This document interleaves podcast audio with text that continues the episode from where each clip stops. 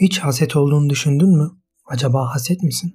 Ne dersin? Haset kelimesinin biraz kökenine inelim birlikte o halde. Zemahşeri'yi hiç duydun mu? Zemahşeri İranlı bir İslam bilgini ve onun öyle bir eseri var ki işte o eser yani Mukaddimetül Edeb adındaki bu sözlükte ilk olarak karşımıza çıkıyor. Hasetlik kelimesi. Kitabın yazıldığı tarihi ortalama olarak göz önüne alırsak 900 yıllık bir kökeni var. Ki kelime bu sözlükten önce de elbet kullanılmıştır. Yani çok çok eski bir kelime. Zaten İslam'a göre Habil ve Kabil arasındaki ya da Yunan mitolojisine göre Medusa ile Zeus'un kızı Athena arasındaki de hasetlik değil miydi? Mitolojiye dair ilgi duyabilecek arkadaşlarım için hemen kısa bir not geçeyim. Medusa çok çok güzel bir kadın. Tabii ki herkes gibi Poseidon da onun güzelliğinden nasibini alacak. Ki Athena'nın tapınağında onunla zorla birlikte olunca da bu Athena'yı çıldırtacak ve sonunda Athena Medusa'ya zarar vermekten emin olacaktır. Sonrasında onun o güzel saçlarını yılana çevirecek ve ona bakan her erkeğin taşa dönerek lanetlenmesini sağlayacaktır. Ama içi asla soğumaz ve en sonunda Medusa'nın kafasını cellatlara kestirir. İşte bu kadar kin dolu bir hikaye. Ya da Habil Kabil örneğinden gidersek birçoğumuz duymuşuzdur. Kabil Habil'e haset duymuştur ve onu öldürmüştür. Gelmek istediğim nokta şu. İnsanlık hep bu duyguyla vardı ve bu duygu insanın kurdu oldu.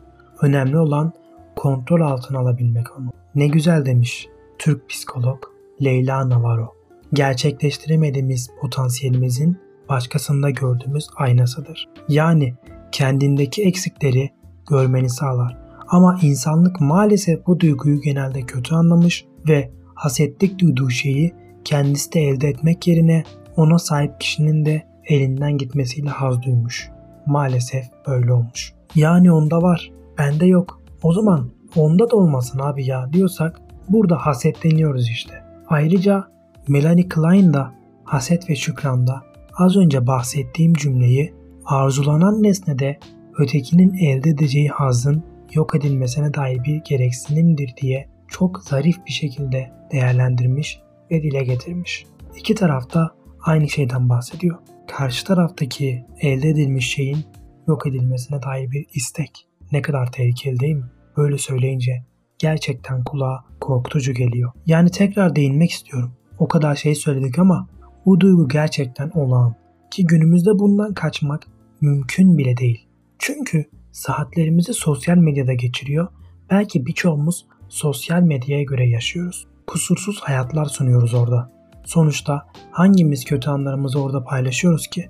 İşte bu sürekli paylaşımlar bizi birbirimizden daha kolay haber alabilir hale getirdiği gibi daha çok göz önünde olmaya da itiyor. Ne oluyor mesela? Giriyoruz Instagram'a. Birisi evlenmiş, çok mutlu falan. İnsan içinden geçiriyor. Ya hep mi mutlusunuz pislikler? Yalan söylemeyin. Ama gerçekten mutlu olabilir ya da çok mutsuz bir anın öncesi de olabilir. Ama biz onu onlar yaşayıp da biz yaşayamadığımız için durduk yere kendimizi kötü hissediyoruz. Hani normalde evinin içini, çoluk çocuğunu nereden bileceğimiz kişilerin her anını görüyoruz. Ve öyle kusursuz gibi duran hayatlar inşa edilmiş ki insanın haset etmemesi neredeyse imkansız hale geliyor. Eee kardeşim buradan nereye geleceksin diye soranlar olacaktır içinizde.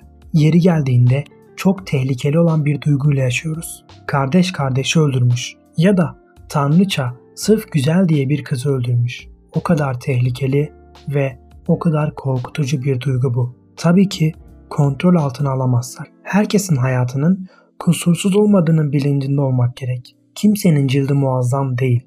Zengin diye mutlu olacak da değil. Ne hayatlar duyuyoruz. Kocasının parası var diye susuyor insanlar. Ama sosyal medyada kusursuz hayatlar sunuyorlar bize. Yanlış anlaşılmasın. Yadırgamıyorum tabii ki.